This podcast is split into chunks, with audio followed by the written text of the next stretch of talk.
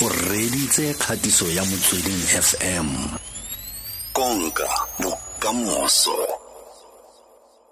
Gail, um, you were with ASA, Advertising Standard Authority, and now here you are. You are with ARB, Advertising Regulatory Board. Who's who's ARB? So I think the first thing to understand is that it's two different organisations, but we do almost the same thing. The ASA was, was liquidated or was in the process of being liquidated mm. because of the financial problems they had. Mm-hmm. But the marketing industry did not want to leave consumers unprotected. Mm. So the marketing industry said we have to have some sort of body that protects consumers against advertising that harms them and that's where the Advertising Regulatory Board was born. Mm. Um, so, so we are basically we are there. If you if you feel you've been misled by a complaint or, upset, or sorry by an advertisement or upset by an advertisement, you complain to the ARB. Mm-hmm. And are you a fully fledged board? How many people do you have in your team? How many people do you have working for us? In your team, yeah. We have we, we're tiny. We we have a full-time staff of three people, so we've got a lot smaller than we were as the ASA, mm. but we also use external consultants when we need to. So, you know, there's no concern. A consumer mustn't worry that they can't complain to us because we won't be able to handle it. Mm. Um, we handle every complaint that comes in. We at about 530 complaints. We're mm. nearly a year old. Mm. Um, and we're issuing over 10 decisions a uh, month at the moment. Um, you know, a lot of the complaints we get don't go to formal decision. A lot of the complaints, either we'll be able to sort it out without making a decision, or we're the wrong body, or sometimes people have got upset about really in the ad. Mm. So we, we, get a lot of crazy complaints, a lot of mm. crazy people. What's the role of marketing association? Of South Africa and Association for Communication and Advertising in ARB? So, so these are our members. Mm. So, MASA, the Marketing Association represents the marketers. Mm. The ACA is the advertising agencies, and the IAB is the digital agencies. Mm. And then we also have as, as members the broadcasters, mm. and we have the pet food industry have just become a member. Mm-hmm. So but through them, we enforce our decisions, mm-hmm. and through them, we get we get um, cooperation from the marketers, often because they're a member, or because their agency is a member, or sometimes just because they know that it's the right thing to do. Mm-hmm. So, up to so far, do you think consumers know that there is ARB, SAA is not is no longer there?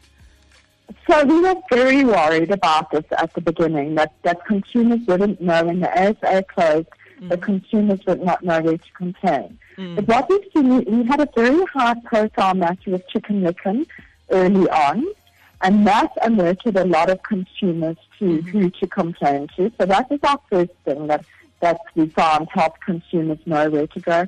And the other thing is, consumers aren't stupid. Mm. They know how to Google they know how to find that. And if someone really wants to complain, they find us. They can find us on Facebook, they can find us on Twitter, they can find our website.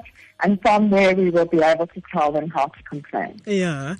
Um, earlier on, you spoke about um, ad agencies. Up to so far, uh, did you get all the support that you need from them, uh, the ad agencies, and maybe uh, certain brands? Yes. Mm-hmm. Um, so, so, so we just, you know, we, we work, normally we work with the brand. So when we get a complaint, if you, if you complain against Omo washing powder, mm. we will go to the brand to make Omo, with, um, and we will ask them to respond to the complaint. Mm. We have a high level of cooperation. Obviously, there are going to be those who don't want to respond to us, who don't want anything to do with us, and sometimes there's going to be nothing we can do. Mm. So sometimes we will make a decision that the type of advertising that you've seen, there's nothing we can do about. Mm. But all broadcast advertising, so radio and TV, is something we can do about it. Mm. Um, so, so in that way, you know, but we, we're finding I've been very surprised by the high degree of cooperation we get. Brands want to do the right thing. So it means the ARB is open for complaints and how do consumers complain? How do they go about writing? Do they write? Do they call? So our our complaints have to be in writing because we have to make sure that we're understanding exactly what the consumer is complaining about and that we're giving the brand a fair chance to respond to that case. Mm. So our favorite way of getting complaints is for consumers to use the online form. It's at www.arb.org.za. And if you search Advertising Regulatory Board, you'll find it easily. And there's an online form. And then that make sure we get all the information and we don't have to waste time getting information that the consumer left out of the complaint. Or they can email us at complaints at arb.org.za. Complaints at arb.org. Dot org. Dot ZA. za. Uh-huh. And uh, lastly, Gail, how about two copies of uh, the accident for me and my producer? Copies of what? Your book. Oh, we don't have a book anymore. we don't have a book anymore. You can go on Okay. else. or my own book. My own book or the book for the book for the ARB. Yours. My own book that I can arrange. All right.